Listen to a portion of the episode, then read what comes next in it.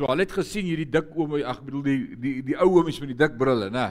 Het het gesien dat hierdie bedoeling was dat hierdie een gedeelte oor een topik gaan, oor een onderwerp.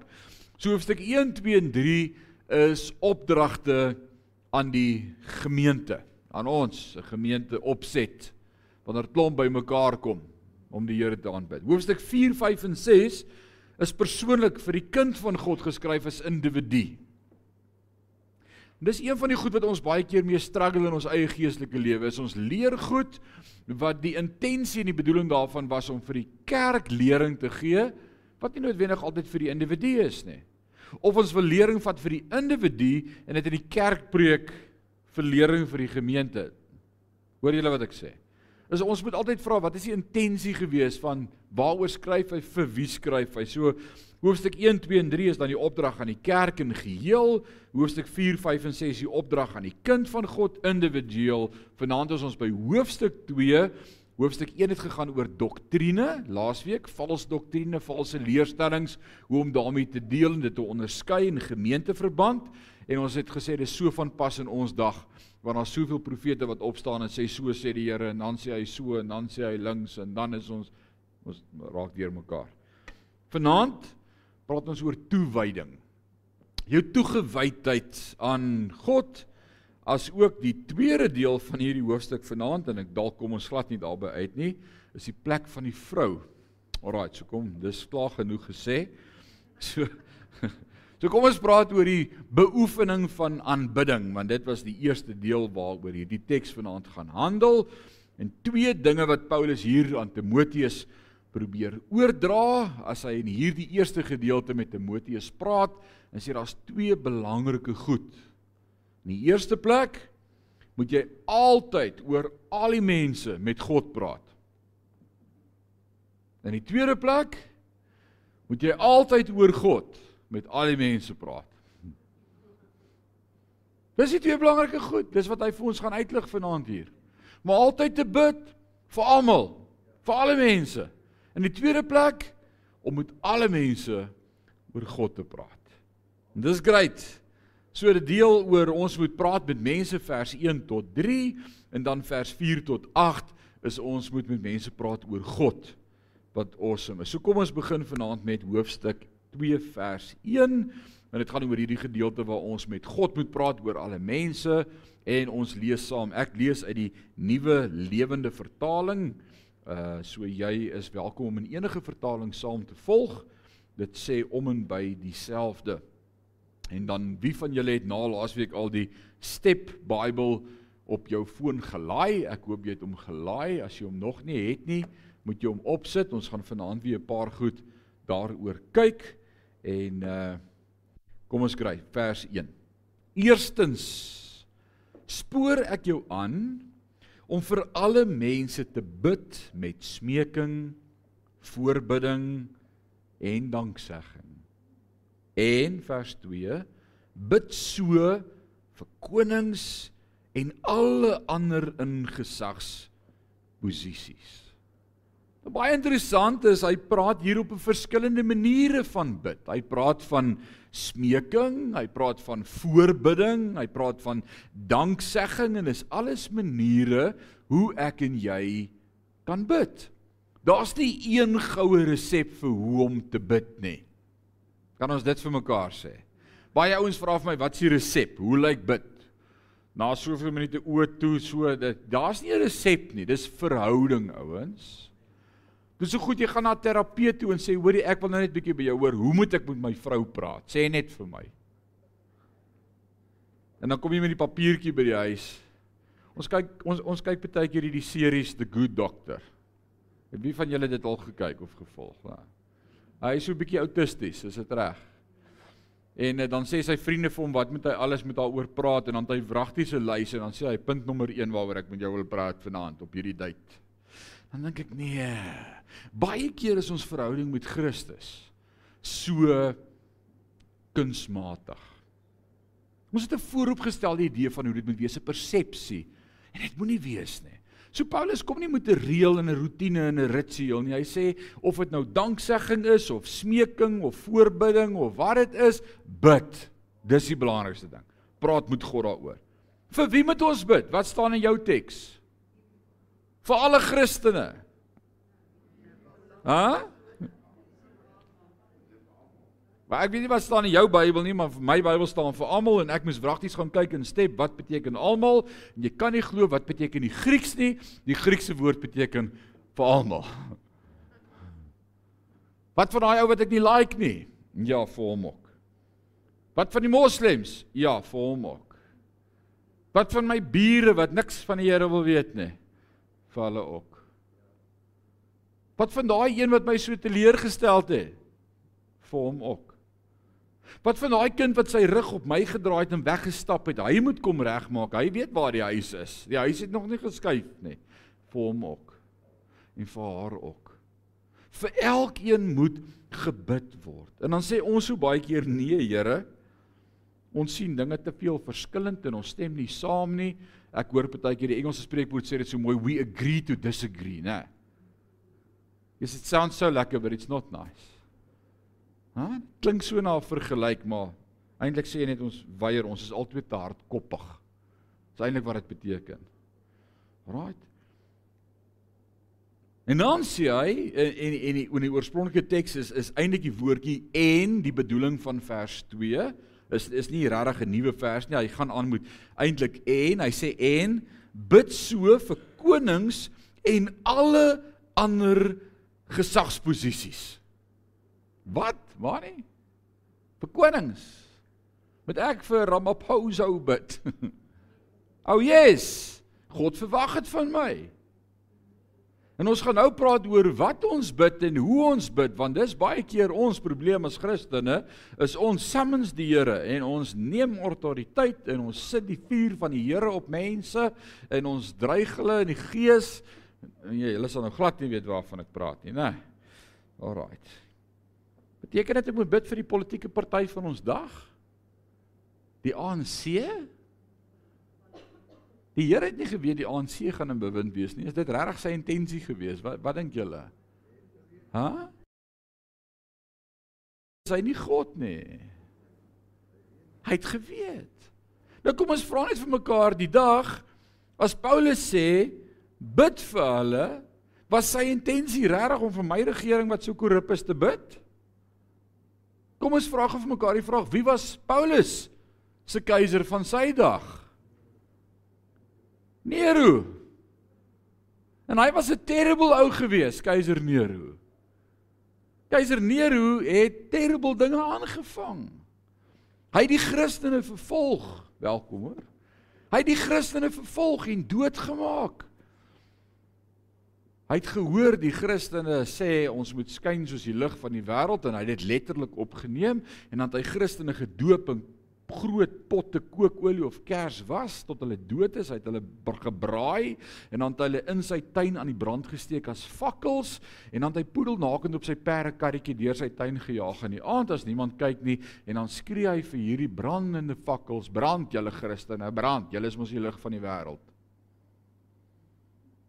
Dis die tipe keiser wat hy was. Ons is bevoordeel met ons regering. They had a raw deal. En Paulus sê bid ook vir die regering. So.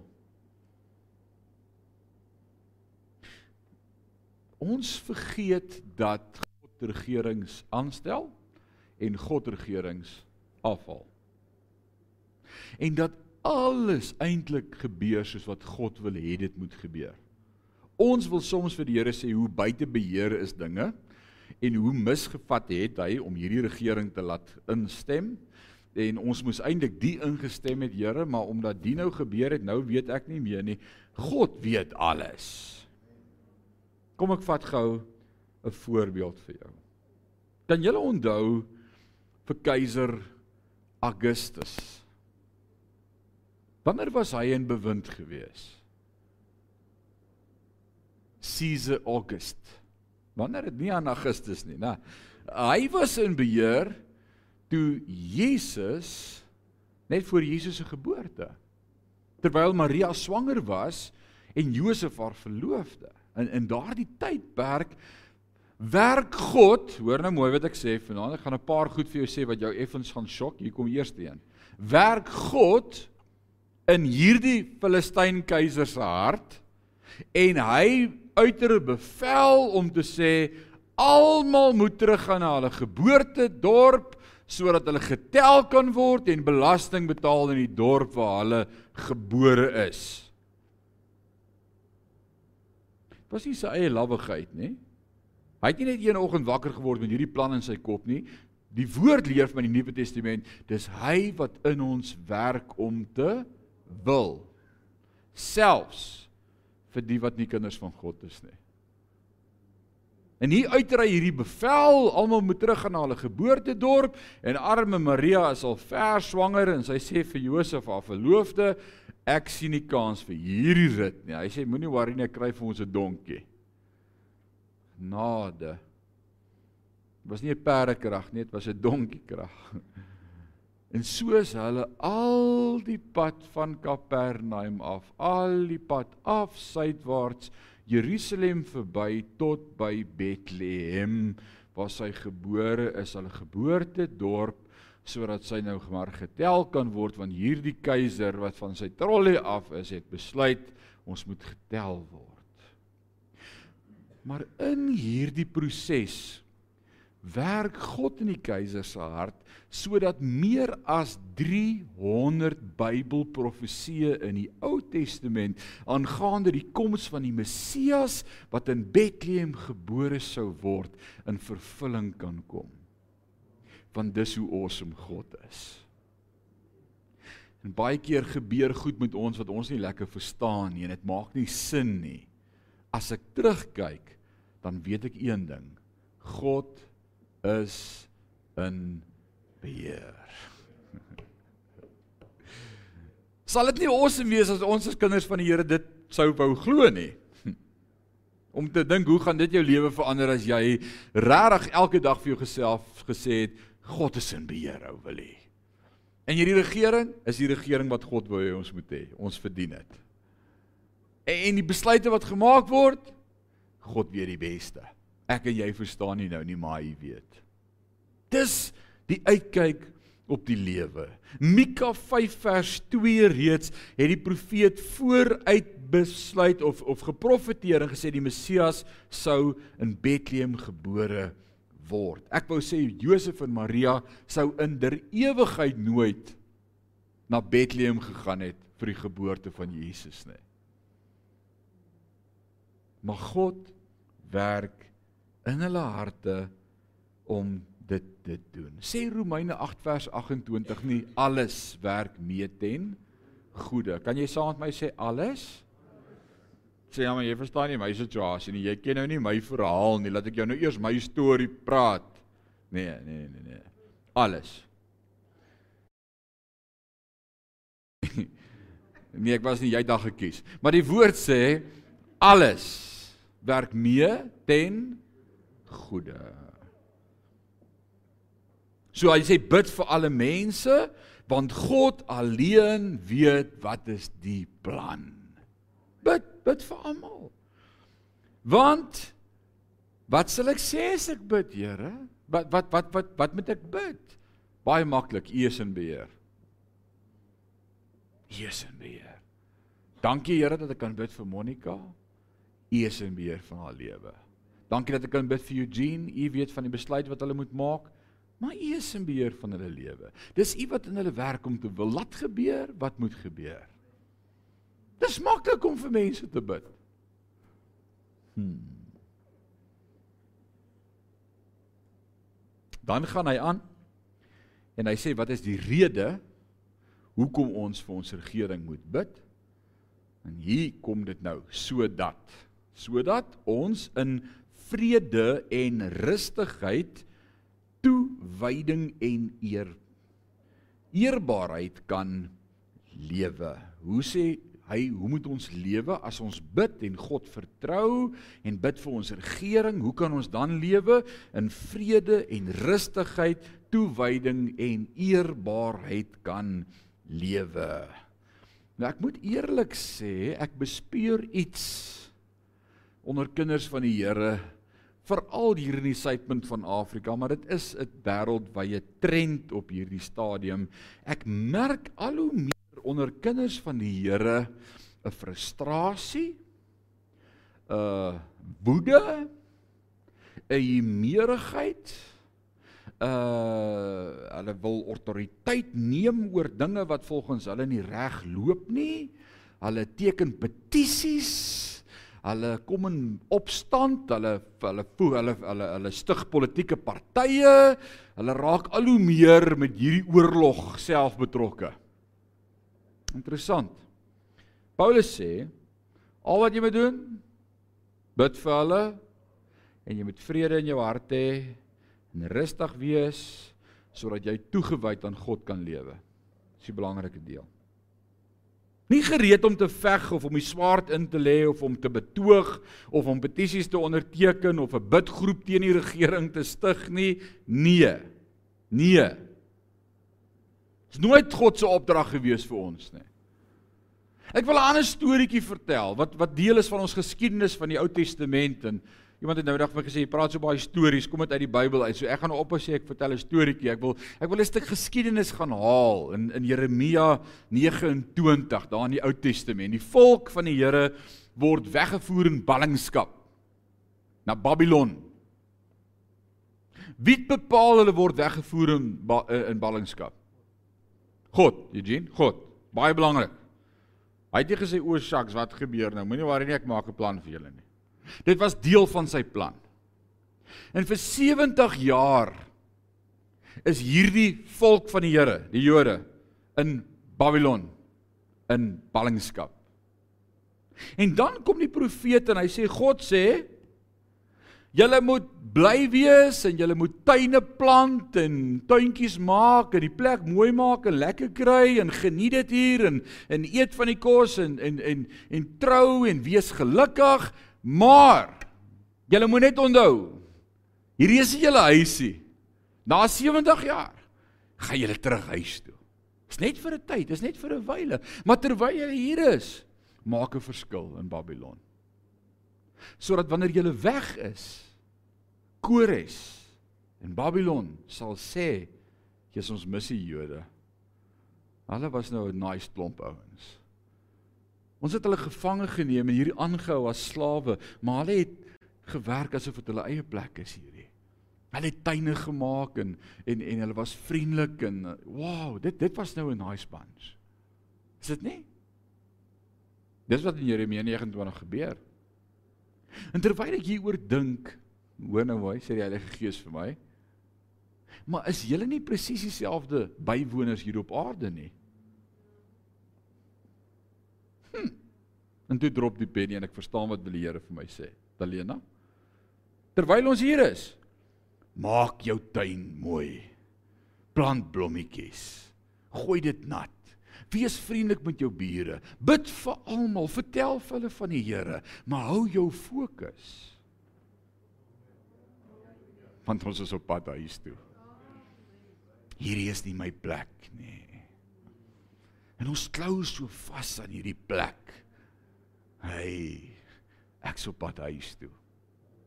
Ek wil huis toe gaan na mamma toe. Nee, my ma leef nog. Maar julle julle kry die boodskap. Alraight. En daarom dink ek dit was wel belangrik dat ons moet moet stem, ons moet deelneem aan die referendum, ons moet stem, ons moet ons moet deel wees om hierdie plek uh, uh, regeerbaar te maak en en te, te help dat die regte goed geïmplementeer word en mooi te maak en en ek moet my stamp afstamp op die omgewing om my, maar liewe hemel, hou jou fokus. Hierdie is nie jou plek nie. Ek is op pad huis toe. So Paulus sê Wat is ons doel? Om vir almal te bid. Om vir die mense te bid en vir ons regering sodat ons vrede en rustigheid, toewyding en eerbaarheid kan lewe. Vers 3 sê so is dit goed en aanneemlik vir God ons verlosser want hy wil dat almal verlos word en die waarheid verstaan. Wat is die wil van God? Ben dat almal gered sal word en die waarheid sal verstaan. Almal. Sê saam met my almal. Ja, maar jy ken nie my buurman nie, hy's 'n moslim. Almal. Ek het vanmôre die getuienis gegee en ek wil dit vanaand weer gee. En ek kom Johan, ek dink ek het dit met jou geshare op op WhatsApp die week of jy moet my. Ek weet nie maar ek weet ons het daarna gekyk. Van 'n moslim wat in die Koran God soek en ernstig is met God en hy sê ek wil weet wie is U? Ek wil verstaan, het ek die regte God? Aanbid ek God reg? En hy hy kom agter toe hy die Koran so 'n paar keer deurlees. Hy lees baie keer van meer van Jesus in die Koran as van Mohammed die profeet. Inteendeel, hy sê die Koran praat net 3 keer van Mohammed en 'n klomp kere van Jesus. So toe hy so by die sinagoge kom, toe vra hy nou vir sy vir sy imam, hy sê vir hom, "Who was Jesus?" Ek wil weet wie was Jesus. En die ou raak vir hom half kwaad en hy sê, "Bly net by die Koran, moenie nou nie nonsens lees nie." Maar so toe gaan vra hy vir die Koran, "Hoe wie was Jesus?" En die Koran sê, en hoor baie mooi wat sê die Koran, die Koran sê Jesus was the word. Jesus was the word.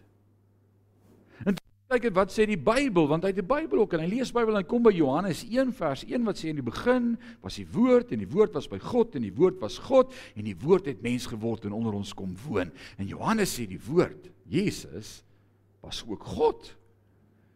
En toe gaan lees hy weer die Koran en die Koran sê wil hy alles wat gemaak is op aarde, die skepping, is alles geskep deur die woord. En toe gaan hy weer na sy imam toe en hy sê vir hom luister. If Jesus is the word and the word created everything, did Jesus create everything? Hm. Dit is 'n moeilikheid. En toe sê hy die Koran het my oortuig dat Christus die enigste een is. Is dit nie awesome nie? So bid ook vir die moslem, bid vir die hindoe, bid vir die Hare Krishna, bid vir die ateës, bid vir almal. Praat so rukkie gelede met 'n ateës en ek sê vir hom jy's baie slim. Baie baie baie slim. Hy sê hoe so? Ek sê die Bybel leer vir my die duiwels sidder want en hulle glo ook. Maar ek is nie slim genoeg om nie te glo nie. Ek moet maar glo. Daar's so 'n boek op my boekrak wat sê I haven't got enough faith to be an atheist. Ek glo maar God het alles gemaak. Maar om geloof te hê dat alles uit niks uit ontstaan het nie, dis groot geloof. Yes like. God het alles gemaak sê die woord. So bid vir hulle. So vers 4 sê want hy wil dat almal verlos word en die waarheid verstaan. So die vraag is dan Weet ek en jy dat God wil hê almal moet die waarheid verstaan? Verstaan ons dit? Hoor ons dit vanaand? Jy moet vir my sê ja want jy hoor wat ek sê. So dan moet ek sê nou dat jy weet dis wat God van jou wil hê, wat gaan jy daarmee doen? Gaan jy bereid wees om te praat of gaan jy sê o nee, ek kan nie praat nie. Ek ek praat mos nie met mense nie. God wil hê dat almal sal weet. Wil hy? Almal beteken almal. En ons moet met hulle praat. Ons kan hulle nie afskiet nie. Ons moet met hulle praat. Of bid ons soos wat Paulus ons leer sodat hulle gered kan word, want dis God se hart. So as ek bid sê ek Here, ek bid vir almal sodat hulle gered word. En as ek met hulle praat, dan praat ek met almal sodat hulle gered word, sodat hulle tot die kennis van die waarheid kan kom. Vers 5 sê want Daar is net een God en een middelaar wat God en mens kan versoen. Hy is die mens Christus Jesus. Hy het sy lewe gegee om vryheid vir elkeen te koop. Dit is die boodskap wat God aan die wêreld gegee het op die bestemde tyd. Wat is die boodskap wat ek en jy het om te verkondig? Ons het 'n middelaar, Jesus Christus. Hy het vir ons versoening bewerk by die Vader. Hy's ons mediator. In Job 9 kom Job nadat al die teëspoed hom getref het en alles skeefloop en sy vriende teer hom uitvaar en vir hom vertel, man, jy moet by die Here uitkom. Jy het sonde in jou lewe en allerlei dinge en dis hoekom die Here jou straf en almal teen hom is in Job 9 roep hy uit en hy sê ek wens ek het 'n middelaar gehad wat vir my net in hierdie fight bietjie kon help. Iemand wat tussen my en God kon kom en met hom praat. Min weet hy dis Jesus Christus wat vir my en vir jou in die bres gaan tree by die Vader en sê ek is jou middelaar. Ek het in alle opsigte met jou medelee. Ek verstaan jou. Ek het jou gemaak en ek sal ook vir jou voorspraak doen met die Vader. Dis die Jesus, die werk van Christus. En hoe pas dit in by my gebed? As Jesus as middelaar tussen beide getree het, moet ons ook ons voorbeeld sy voorbeeld vier. In die kant kies, nê? En hy sê nee, daai ou is op pad hel toe en daai ou is verdoem en daai ou is dinge besig mee uit die put van die hel en nee, daai ou is met die duiwel getoer en daai ou ons judge baie vinnig, is dit nie so nie? Miskien nie julle nie, sorry, is net ek wat dit doen. Ons doen Maar as ek een vooruitsig het en dis om te weet hierdie ou moet by God uitkom, dan het ek empatie en ek het liefde en ek werk bietjie ander geduld mee en ek bid vir hom en ek sê Here, ag vergewe sy sondes. Moenie u aan hom steur nie. Ou wil hy wat weet wil hy. Here, ek bid dat hy by u sal uitkom. Die woord sê en Petrus leer dit vir ons en Petrus hy sê as jy jou broer sien sondig en jy vir God vra om jou broer te vergewe, sal jou broer vergewe word. Ons sê ons wil die Here help om sy sonde uit te wys en ons wil daarom net bietjie, jy weet, sy sonde aan die lig laat kom en jy weet ek is concerned oor hom en ek vra voorbring vir die broer wat dit en dit doen. Dis nie God se manier nie. God se manier. Paulus sê dit in Korintiërs 13. Hy sê die liefde bedek 'n menigte sondes.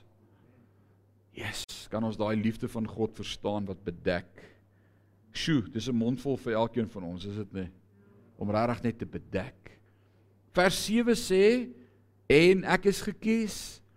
Dit is die absolute waarheid as 'n prediker en apostel om die nie-Joodse nasies te onderrig in geloof en waarheid. En ek voel so moet elkeen van ons doen. Paulus sê vir Timoteus, Timoteus, ons is geroep om die evangelie te deel met almal. Sê saam met my almal. Almal. Smoot. Waar julle ook al vergader, vers 8 wil ek hê mans moet bid met hulle hande opgehef na God vry van woede en twis. Nou hier's 'n mooi opdrag. Nou hoekom gooi jy dit nou hier in, Dalena? Dis 'n moeilike stuk teks vir ons manne. Hy sê waar julle ook al vergader wil ek hê dat mans moet bid met hulle hande opgehef na God vry van woede en twis. Baie keer hef ons ons hande op. Mans.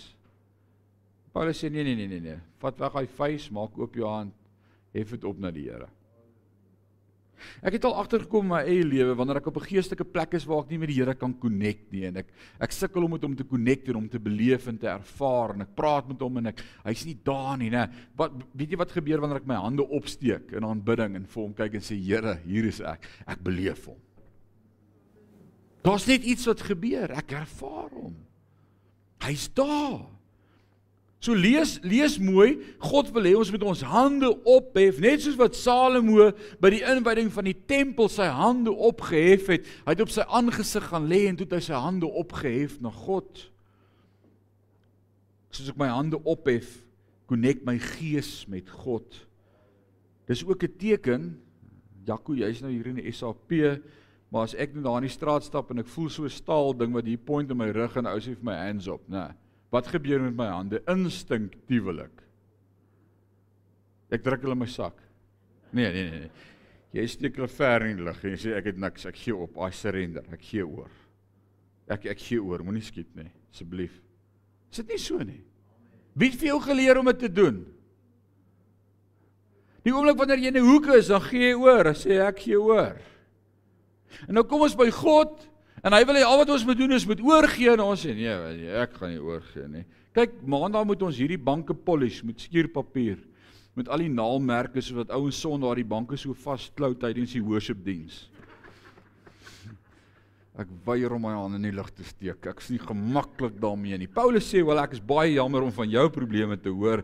God wil hê as die mans bymekaar kom om te bid, steek jou aan in die lug en gee oor. Dis nie dis nie die apostolies wat dit doen nie.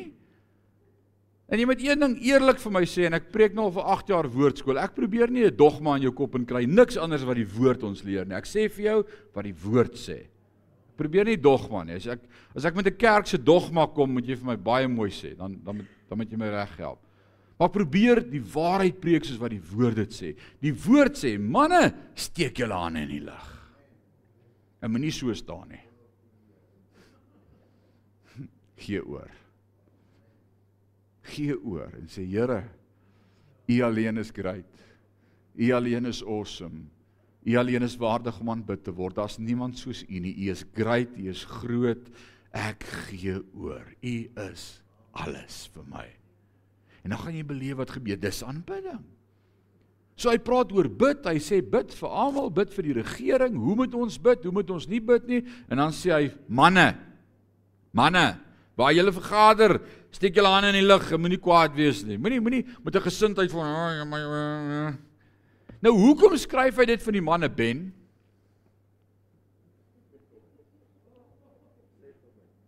Hoekom skryf Paulus dit? Kon hy dit nie net skep nie wil hê? Hy was nou so mooi op trek met 'n mooi ding hier nou gooi die appelkar om. Tot nou toe het ek van Paulus gehou, maar hierdie ding, ek weet daarom nie. Kom ek help jou. Want vrouens het nie 'n probleem om te worship nie. En die vrouens moet nou oppas vir te hard aan en sê want die volgende 7 verse gaan net oor hulle. So jy sal ek nie so hard aan sê nie. Maar ons manne het 'n probleem daarmee om God in gees en waarheid aanbid. Ons sukkel. Vrouens sê, "Hæ, man, steek jou hand op, hef jou hand na bo. Wie sing dit?" 'n Vrou, Johanita. So nice wees as bless dit wou sing, maar hy wil nie. Hy het gesing gee hare roos.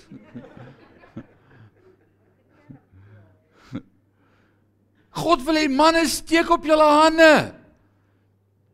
Ons manne moenie bang wees om ons hande op te steek nie. Te sê ek gee oor, God is die hoogste gesag. Toe Moses sy hande in die lug hou, toe is daar oorwinning vir die volk. Daar's iets wat gebeur wanneer manne hulle hande in die lug steek. Gee oor. Nou interessant, ek lees van 'n paar metodes van aanbidding in die Bybel, dwars deur die Bybel. Abraham het op sy aangesig voor die Here geval en voor die Here gaan lê. Hy het uitgepaas in die teenwoordigheid van die Here. Ek lees toe Jesus bid het, hy sy oë opgeslaan na die hemel. Hy het opgekyk na die hemel as hy bid. Na Matteus 14 vers 15, 16, 17 die vermeerdering van die brode het hulle vir hom gebring en dan het hy sy oë opgehef na die hemel en hy het gedank en dan het hy dit gebreek en vir sy disippels gegee. Interessant, né?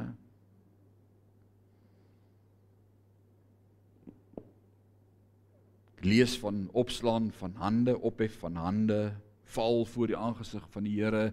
Dawid het gebuk, Daniël het gebuk met sy aangesig op die vloer 3 keer 'n dag gebid na die ooste. Maar ek lees nêrens in die Bybel van hande vou en oë toemaak nie.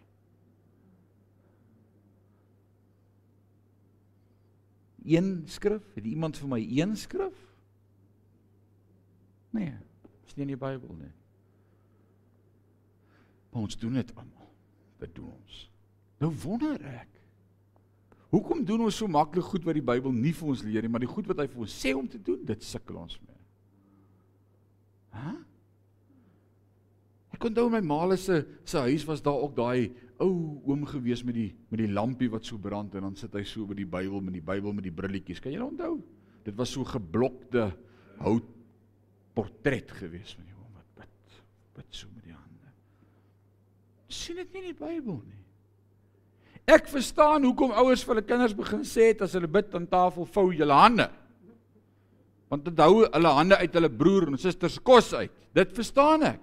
Dit was dalk deur die depressie jare wat dit in ek weet nie. En ek verstaan hoekom het ons ons kinders dalk geleer maak toe julle oë dat ons nie kan sien as ma en pa of ek weet nie, maar maar dit is nie 'n Bybelse beginsel nie.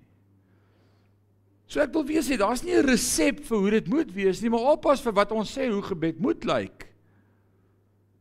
Maak toe julle oë ons gaan bid. Dis nie skriftuurlik nie. Kyk op. sien in jou geestesoog, Skepper God wat voor jou staan, gee oor en praat met hom. Hy's jou hemelse Vader. Baie keer het ons posisies van hoe ons bid. Baie keer kniel ons, veral in die aand as ons gaan slaap, dan kniel ons langs die bed. En veral as my vrou bid, sy bid so lekker en jy is op een noot. Jesus, dan kom my moegheid oor my, hè? Jesus, dit is so hemelse 'n hemelse moegheid. Sy het my een aand gelos, toe word ek wakker toe ek alleen. Nee, nie gelos nie, net kom bys toe gegaan, ja. Oppas vir dit. So ek ek ek kniel nie as ek bid met my kop daar in die duwy nie. Dit dit is vir my 'n versoeking. Ek kan nie dit werk nie met hierdie hiperaktiewe gehardheid nie. Ek hou van stap. Ek loop op en af as ek bid, op en af. As ek hier in die kerk bid, stap ek hierdie gangetjies op en af en teer die banke en bo oral. Ek stap as ek bid. Dit ek moet aan die gang bly as ek bid of ek vat die hek uit by die straat en ek stap die strate in en ek loop en ek bid. Praat met God. Maak nie saak hoe jy bid nie. Connect met God. Dis wat belangrik is. Hoe is ons stoffel? In die kar. Hy sê as hy in die kar klim. My vrou bid ook as ons in die kar klim. Dis heeltemal iets anders. Alraai. So jy moet met God praat. Alraai. Praat met die Here, praat met die Here. Amen, dit was 'n goeie aand. Gaan ons regtig die vrou se verse tackle? Heerlikheid, julle soek nou moeilikheid met my. OK, goed. Ek gaan net vir Paulus quote. Ek dink is die maklikste om daarby te bly vanaand en te sê wat sê Paulus en te probeer verstaan hoekom sê hy wat hy sê. En mag ons vanaand 'n stuk genade vind by God dat ons deur sy Heilige Gees hierdie stuk wat moeilik is om oor te praat en ek het nog nooit in my lewe 'n preekie oor in 'n kerk gehoor nie. Die Here help my, dis my eerste keer. Maar ek wil dit reg verstaan en ek wil hê jy moet dit saam met my reg verstaan. Want as ons dit reg verstaan wil jy is hier 'n stuk bevryding wat vanaand gaan plaasvind in elkeen van ons se hart om te sê maar hoekom is hierdie goed so belangrik? So hier hier kom dit. Vers 9 sê hy en nou praat hy oor die plek van die vrou. Hy sê in vers 9 en ek wil hê vroue moet beskeie wees in hulle voorkoms. So hoekom sê hy nie vir die vroue ook hulle moet hulle hande oplig nie? Want iemand het vir my gesê beteken dit net mans mag hulle hande opsteek in die kerk, vrouens mag nou ook nie as hulle hande opsteek nie. Toe sê ek nee. Paulus het nodig om dit vir die mans te sê want hulle sukkel daarmee. Vrouens sukkel nie daarmee nie. Alraai. So moenie elke keer as jy nie iets lees nie, dink dit beteken die negatiewe. Nee, dis nie wat hy sê nie. Hy het nie nodig om vir die vrouens te steek op julle hande nie. Hulle doen dit van self. Hulle het nie 'n probleem met hande opsteek nie. Maar die manne sukkel. So wat sê hy vir die vroue? Waarmee het hulle 'n probleem? Hy sê en ek wil hê dat vroue moet beskeie wees in hulle voorkoms. Maar wat beteken dit? Wat moet die vroue doen? Hy sê hulle behoort ordentlik en paslike klere te dra en nie die aandag op hulle self te vestig nie. Dit dis dit wat in jou Bybel staan. Kom ons bly by dit. Maar hulle moet net behoorlik aantrek, man. Trek net behoorlik aan. Nou hier's nou 'n uh, baie baie moeilike plek om te beweeg. Spreuke sê, Spreuke sê 'n vrou sonder diskresie in haar klere dra is soos 'n goue ring aan 'n vark se neus. Ek, ek sê dit nie. Ek het dit nie gesê nie. Ek quote dit vir jou in die 3353 vertaling. 'n Mooi vrou sonder gesonde oordeele soos 'n goue ring in 'n vark se snoet. Niks verder nodig om te sê nie. Met ander woorde die wagwoord hier is diskresie. Diskresie. So sorry, dis wat die woord ons leer. As jy nie diskreet is nie, vroue moet gesonde oordeel gebruik. Hoor wat sê vers 9 en 10, ek lees dit vir jou saam. So ook moet die vroue hulle versier met behoorlike kleding, sê behoorlike. OK, gepaard met uh beskeidenheid en ingetogenheid, nie met vlegsels of goud of parels en kosbare klere nie, maar soos die vrou betaam wat die godsvrug bely met goeie werke. So die Engels sê dit so mooi, sê likewise also that women should adorn. Dis die woordjie wat daar gebruik word en dis hy sê adorn themselves in respectable apparel. Nou daai woordjie adorn is is die woordjie modest wat wat ek kry. En daai woordjie modest is die woord kosmeo in die Grieks waarvan die woord cosmetics afgelei is. So Paulus het geen probleem hier met cosmetics nie. Dis nie wat hy sê nie. Ek weet van die vroeëre kerk het gesê vrou mag nie make-up aan hê nie en 'n vrou mag nie haar hare sny nie, sy moet 'n bolla hê en 'n lang rok en al hierdie dinge en goeters. Liewe genade. Dis dis nie wat Paulus sê nie. Wat sê Paulus? J Vernon McGee, hy was 'n awesome geestelike spreker gewees. Hy word eendag gevra moet vrouens nou make-up dra? Mag hulle of mag hulle nie? En hy maak hierdie statement en is dis dis nou nice om te onthou. Hy sê want hulle vra vir hom should women wear make-up en hy sê if the barn needs painting paint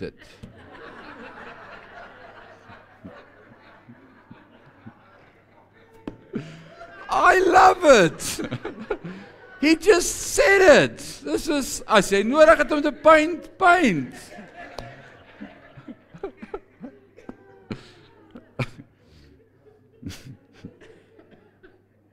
Paulus sê die probleem is nie make-up nie. Dis nie dis nie die issue nie. Maar Paulus sê trek so aan dat jy nie uiterlik aanstoot sal gee nie. Uitloklik gaan wees nie. 'n Versoeking gaan wees vir 'n broer. Julle julle ken die storie van die dominee van soek mekaar. Ken julle dit? Ek gaan dit nou nie in die kerk vertel nie, maar hierdie dominee het op 'n hierdie dominee het op 'n plek geëindig waar hy gesê het ek gaan met blindheid geslaan word in hierdie kroeg vanaand. Eerste keer wat hy in die stad kom van soek mekaar af. En en toe vra hulle na die tyd vir hom, "En wat doen jy toe?" Toe sê hy, "Ek is bereid om een oog op te offer." nee. Jy moet geen oog hoef op te offer nie. Dis soos so nodig. Moenie moenie verleidelik wees nie. Ja, Paulus sê trek so aan dat jou uiterlik in die aanstoot gee nie en sy punt is, is smaakvol, maar nie uitspattig nie. Mooi, maar nie uitloklik nie. En daar's 'n fyn lyn. Ek is nie 'n vrou nie, maar daar's 'n julle vrouens sal weet presies waarvan ek praat. Daar's 'n fyn lyn tussen mooi en stylvol en klassiek en smaakvol en Ek het nie gesê terterag nie. Louie gee ouderdom weg. Wie wees net sensitief. Liewe Hemel, ons is in die kerk. Ek ek ek wil 'n vraag vra. Ek het vanmiddag daaroor gewonder en ek het by my seuns probeer uitvind en dit dis iets iets quite a concern for me. Bloos ons nog? Blo bloos bloos ons nog in ons kultuur? Of is ons so gedesensitized met alles wat ons sien dat dit nie eers iets doen by ons nie? Hoor, hoor jy wat ek vra? Is is ons so gewoond aan hoe sonde lyk en en dat ons lyk soos die wêreld en maak soos die wêreld dat dit ons nie eers meer plaas ons iets sien wat afgruwelik veronderstel is om te wees. Nee.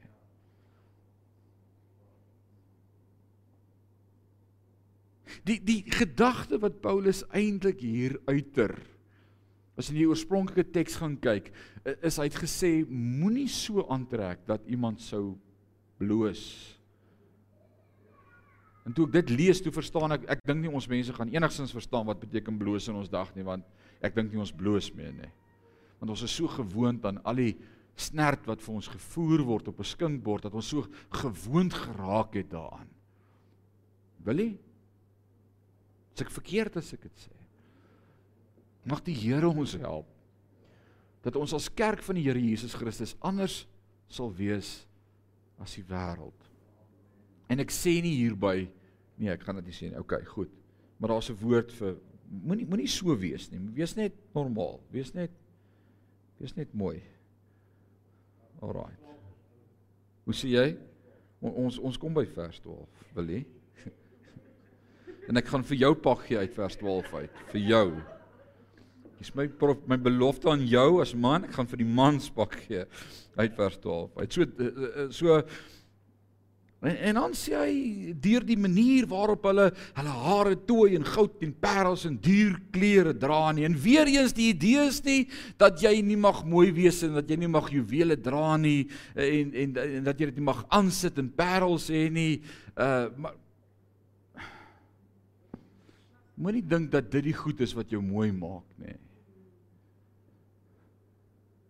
Te veel girls is net mooi want is al wat hulle het wat mooi is, is wat hulle het. Maar as mens as ek bankrot en leeg en gebruik en misbruik en dit geen selfbeeld nê. Gee ek myself net oor. Hy, hy sê vrouens, julle julle moenie so wees nie. Want meeste van die tyd probeer ons uiterlik aanplak wat innerlik kort. Skus.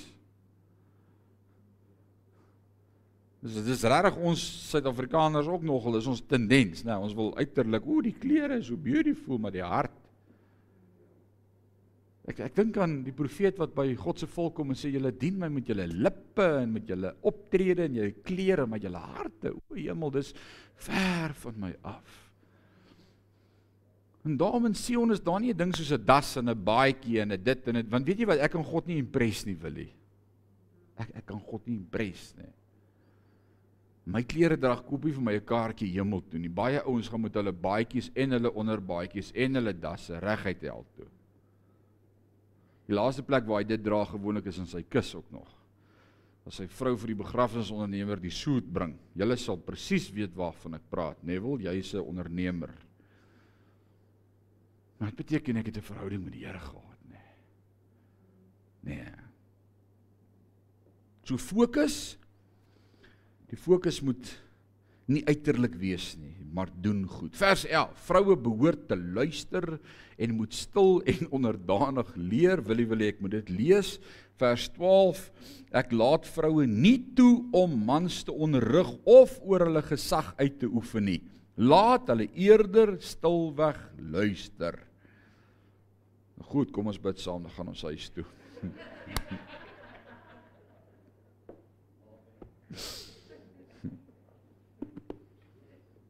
Why? Why me Lord? What have I ever done? Hoe hoe kom dit so belangrik? Hy sê vir Timoteus, luister baie baie baie baie mooi. Ek laat nie toe dat vroue mans leer nie. Dit beteken nie dat vrouens nie mag leermeesters wees nie. Hulle mag. Inteendeel toe Paulus skryf vir Titus, toe sê hy Titus sê vir die vrouens, die geestelike vrouens, hulle moet die jong vrouens leer om heilig te lewe, heilig te wandel, hulle huis goed te onderhou en hulle mans lief te hê. Vrouens moet ander vrouens leer. Dis baie belangrik. Maar as ons bymekaar kom in die kerk, hulle gee nie geestelike lering nie. Hoekom nie? Wat is die probleem? Jy kan dalk sê, liewe genade Paulus is 'n chauvinis. En uh, is dit nog 'n tel in ons dag? Baie gemeentes het vroue predikante en ek moet nou baie versigtig wees wat ek op YouTube vanaand sê, so ek gaan maar net bly by die Bybel en wat Paulus gesê het en wat is die rede en dan kom hy met die rede om iets vir ons te help om te verstaan en ek dink ons moet dit eers lees voordat ons hieroor praat vers 13 sê want God het Adam eerste gemaak en daarna Eva So Eva is die been, Adam se ribbebeen. Hy bring 'n diepe slaap oor Adam en dan haal hy sy ribbebeen uit en hy maak vir Eva en my vrou altyd sê sy lees nêrens dat hy weer vir Adam wakker gemaak het, nê. Nee.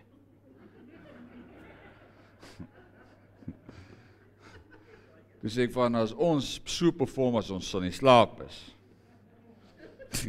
Wat ons die dag as ons wakker is. Alraai. So so wat sê hy? vers 14 en dit was die vrou nie Adam nie wat deur Satan verlei is. En sonde was die gevolg. Kom kom ons probeer dit reg verstaan vanaand. Vra Here, maak my hart oop dat ek nie iets sal hoor wat ek nie moet hoor nie, maar sal hoor wat u woord my sê. Die vrou was geskaap as 'n hulp vir Adam. Adam was eerste, die vrou is die hulp. In die weermag in die Dawid sanggroep en ons sing daar in die Karoo en ons eet by hierdie plaasboere in die Noord-Kaap en en die oom en die tannie is daar aan tafel en op die kas staan daar daai borrels ingelegde geel perskes. Daar's 'n paar minder borrels na die tyd gewees toe ons gery het. Ons soldaatjies het ons self gehelp ons gesê die tannie het genoeg, maar bely. Dit is net troepe gewees. Maar maar hier gebeur 'n ongelooflike mooi ding aan tafel. Die die oom is bietjie korter as die tannie gewees. So kort karoo boertjie en hy en hy vra vir die tannie, hy sê: "Skat, maak bietjie my hand langer en gee vir ons daai borrelperskes op die kas aan." En toe hy dit sê, toe snap ek wat beteken hand langer. Dit maak my vermoë meer. Sy's 'n hulp vir Adam. Ek kan nie by alles uitkom nie, ek is man alleen. Maar God sê ek maak vir jou 'n hulp wat jou sal help en jou hand langer maak. So vrouens, julle is handlangers. en ek dink ons verstaan die woord verkeerd handlanger, né? As ek dit so verstaan dan sê ek ek maak jou ability meer. Saam kan ons meer doen. So Eva was nie eerste nie, Adam was eerste. En toe's Eva daar. En as ons teologies studeer reg deur die skrif en ons kyk na die sondeval, oral waar die Hebreërs skrywer en Paulus lering gee oral oor die sondeval, dan praat ons van die val van Adam, die eerste Adam. As ek reg as ek so sê Dalena. Ek lees nêrens in die woord die val van die eerste Eva nie. Die sondeval het nie gebeur toe Eva die vrug geëet het nie. That was okay with God. He was fine with even that. Maar die sondeval het plaasgevind toe Adam wat in die image van God gemaak is ook van die vrug eet. Dit was die sondeval. Nou, hoe hoekom?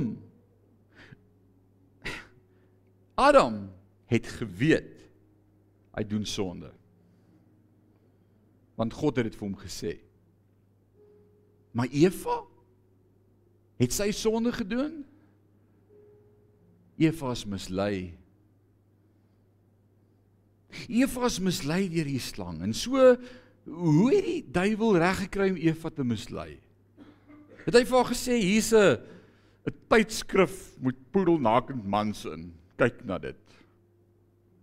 Nee, nee, het gesê Adam het nie klere nie. Ek's gewoond aan. Dis fyn. Het hy het hy moet dwelms by haar gekom en gesê snyf bietjie van hierdie poeier en dan beleef jy haai. Nee nee man, gaan snyf jy dit. Ek het nie lus vir nonsens nie. Sy het maar gekom met allerlei ander versoekings. Nee, sy sou nie ingee nie. Sy het als gehaat. Sy was die kroon van die skepping, die nuutste model, die mooiste, die nuutste karre is mos die mooiste model, né? Sy was die mooiste model van die skepping, laaste gemaak. Maar waar val hy? En hier kom die gevaar. En hoor my hart vanaand as pastor wat baie lief is vir elkeen in my gemeente. Julle ken my 17 jaar al in Parys in die gemeente. Hier kom die gevaar. Hy sê vir Eva, wil jy nie so bietjie geestelik groei nie? Wil jy nie so bietjie meer godly wees nie? Wil jy nie so bietjie verby beweeg verby die autoriteit en en die goddelikheid beleef en ervaar nê Eva. En tot vandag toe nog is dit vrouens se soft spot en se weak spot spiritualiteit. Nou is dit doodstil. Dalk moet ek nou sê amen. Kom ons bid. Hoor mooi wat ek sê vanaand. Wanneer 'n vrou in 'n huishouding die plek inneem en posisie inneem van die gesalfde van die Here as profeet en as priester, is God se orde omgedraai.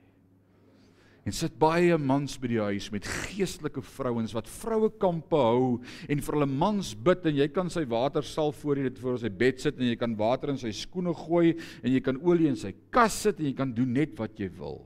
Die autoriteit van God is omgedraai. En ek sê jammer ek moet dit vanaand sê. Want my hart is om te verstaan wat Paulus bedoel het. En Paulus sê wees versigtig. So ou Willie, as jy 'n vrou het wat wil praat, broer, dan moet jy jou mond oopmaak en eers begin praat. En ek het gesê ek gaan net hierdie teks uit jou kap vanaand. Want dis wat daar staan. As 'n man opstaan en sê so sê die Here. As 'n man sê ek gaan my hande ophef as ek bid, kom ons bid. En 'n vrou en kinders na hom kyk en 'n man sien wat met God connect en wat opreg is met God, sal 'n vrou geen rede ooit hê om geestelik hoor te wil wees nê. Nee. Ons sit met 'n generasie van mans wat geleer het ma bid en vat die kinders kerk toe en pa werk en hy's by die huis. Mag God ons help om dit om te draai. Mag ons paas die een wees wat ons kinders roep en sê kom hier ek wil vir jou bid. Ek wil jou hande opseën. Abraham, Isak, Isak vir Jakob en vir Esau het hulle die hande opgelê en het vir hulle gebid. Ah, ek wil 'n pa wees wat vir my kinders bid. Ek wil 'n pa wees wat my vrou in my arms neem en sê kom hier my dol, ek wil vir jou bid. Ek wil jou seën voor jy uitgaan vanmôre. Here bless my vrou. Sy is die mooiste ding op twee bene. Bless haar. Waar sy gaan vandag, mag sy u beleef en ervaar. Geseënd is jy. Sy gaan nooit geestelik hoor as ek wil wees in die huis nie, want ek verstaan my posisie as priester en profeet. Soos Paulus hier praat met die vrouens, moenie vir hom kwaad raak nie.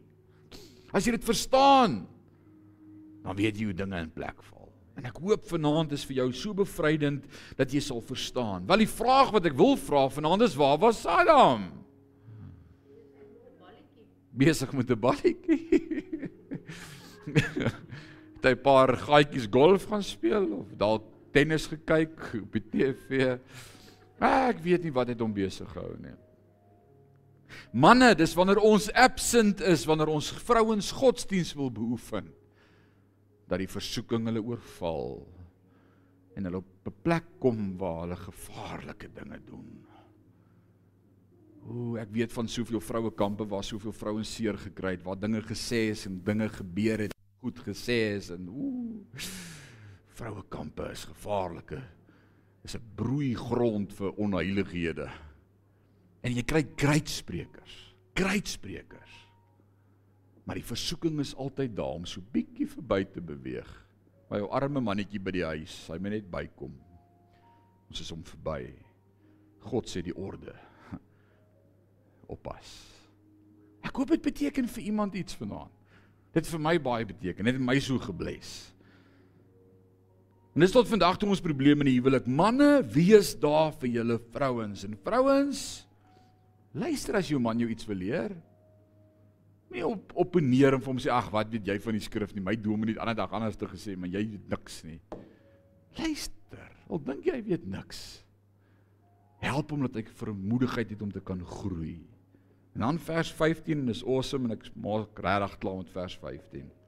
Vers 15 sê maar vroue sal gered word deur hulle rol as moeders te aanvaar en deur volhardend te leef in geloof, liefde, toewyding aan God en beskeidenheid. Ah, as ons maar net verstaan wat God vir ons bedoel het, vir ons elkeen. Mag ons hier in Sion ons volle potensiaal bereik as mans en vrouens in Christus. Mag ons mans geken word as manne wat hulle hande opsteek en sê ek praat met die Skepper God van hemel en aarde. En mag ons vrouens vir ons mans ondersteun, hulle kinders grootmaak om God vreesend te leef, volhard in die liefde en in die geregtigheid. Man, dan staan ons harmonie. Kom ons bid saam. Ewige God en Hemelse Vader, dankie dat geen teks in hierdie Bybel te moeilik is om hier by woordskool te hanteer nie, want U Heilige Gees breek dit vir ons oop en ons wil vanaand sê ons verstaan. Ja, ek wens ons het vroeër in ons lewe dit goed verstaan. Ek wens iemand wou dit vroeër praat en dan het ons baie minder trane gehad en meer gelukkige families waar ons ons posisie en plek verstaan het en geken het. Maar dankie dat daar altyd genade is by U en al wat ons vanaand kan kom sê is sorry Here. Skus. My help ons om dit reg te stel. Wil vanaand onthou wat U woord ons leer vanaand om te bid vir alle mense. Te bid en te praat oor Christus. Gee ons hierdie week vrymoedigheid om te praat oor die koning van die konings. Here, ek wil bid vir ons huwelike hier in Sion. Alle huwelike is vir U belangrik. Ek wil bid vir elke getroude paar in ons gemeente. Here, dat die goddelike balans daar sal wees. Dat mans mans sal wees wat hulle hande kan ophef en God aanbid. En dit gaan nie net oor hande opsteek nie, Here, maar 'n lewe van aanbidding en 'n kontak met God. Mag ons manne manne wees wat kan sê so sê die Here. En mag ons vrouens hulle ondersteun en lief hê en beam en daar wees as hulp wat U hulle gemaak het sodat ons saam die koninkryk kan beerwe. Here bless ons in hierdie week. Ons gaan deur challenging tye, maar is exciting want ons het 'n ewige hoop. Jesus Christus, die leidsman en die volëinder van ons geloof. En ek wil bid, hou ons vas in die holte van U hand. Wees met ons. Dankie dat geen storm ons sal oorweldig nie. Dankie dat geen toets te diep en te groot is vir ons om deur te gaan nie, want U is met ons al die dae van ons lewe is U by ons en ons eer U daarvoor in Jesus naam en sê ons sê Amen en amen.